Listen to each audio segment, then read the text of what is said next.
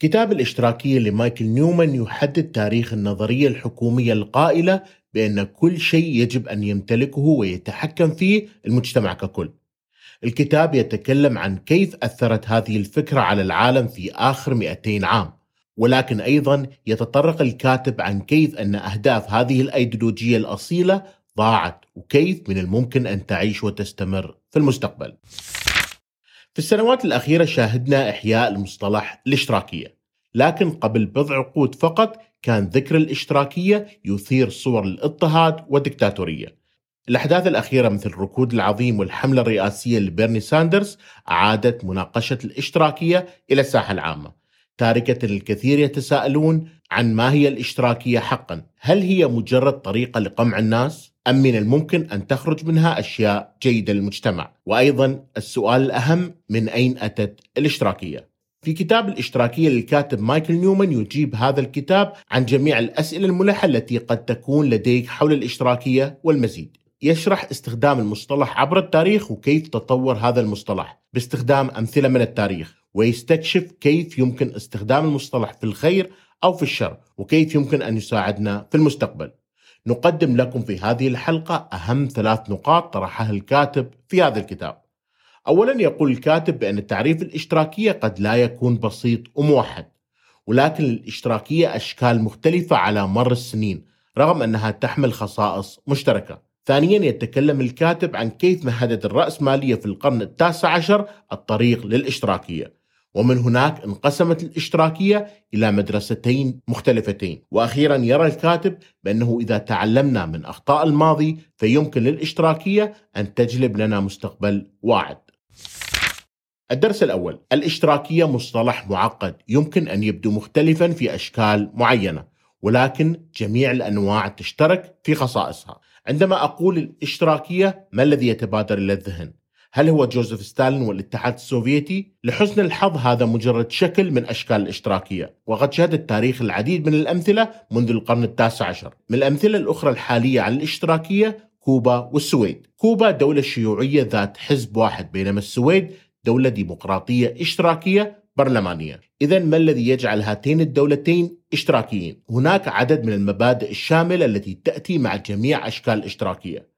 الأول هو الهدف لخلق مجتمع قائم على المساواة حيث تختلف الحكومات المختلفة حول كيفية تحقيق ذلك. ومع ذلك يمكنهم الاتفاق على أن جميع أوجه عدم المساواة في المجتمع ناتجة عن الرأسمالية.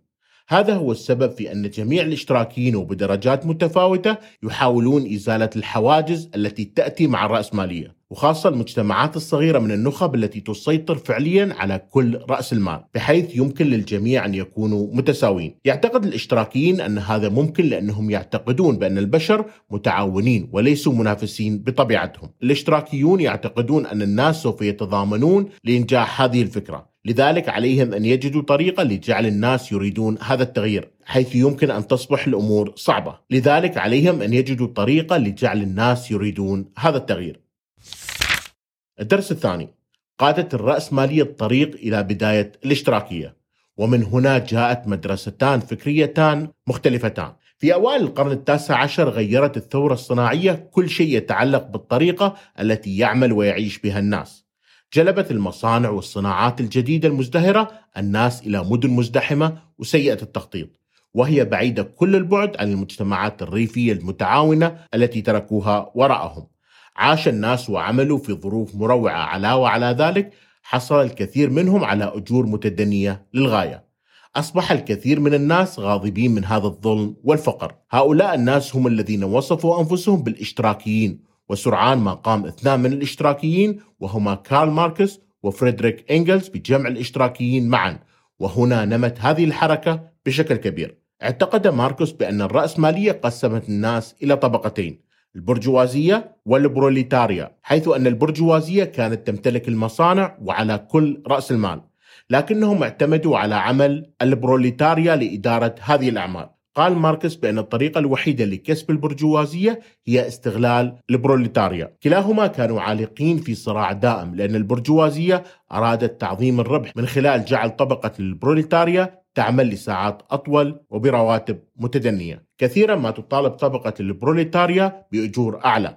كارل ماركوس يرى بأن هذا النضال سيؤدي في النهاية لسقوط الرأسمالية بعد رحيل ماركس وافق الاشتراكيون على ما قال باستثناء أمر حيوي واحد وهو كيفية تطبيق الاشتراكية. هذا السؤال ترك مفتوح حتى بعد رحيل كارل ماركوس ولكن هناك إجابتان برزتا مع الوقت. الأول هو أنه يمكنك تحقيق ذلك من خلال إصلاح الرأسمالية بالوسائل الديمقراطية. في الأساس يمكن للأحزاب الاشتراكية أن تفوز بالسيطرة على الانتخابات وتستخدم هذه القوة لمساعدة البروليتاريا يعرف هؤلاء باسم الديمقراطيين الاجتماعيين. الجواب الثاني هو أن السبيل الوحيد هو الثورة فقط. اشتهر الدكتاتور الروسي فلاديمير لينين بالدفاع عن هذه الطريقة.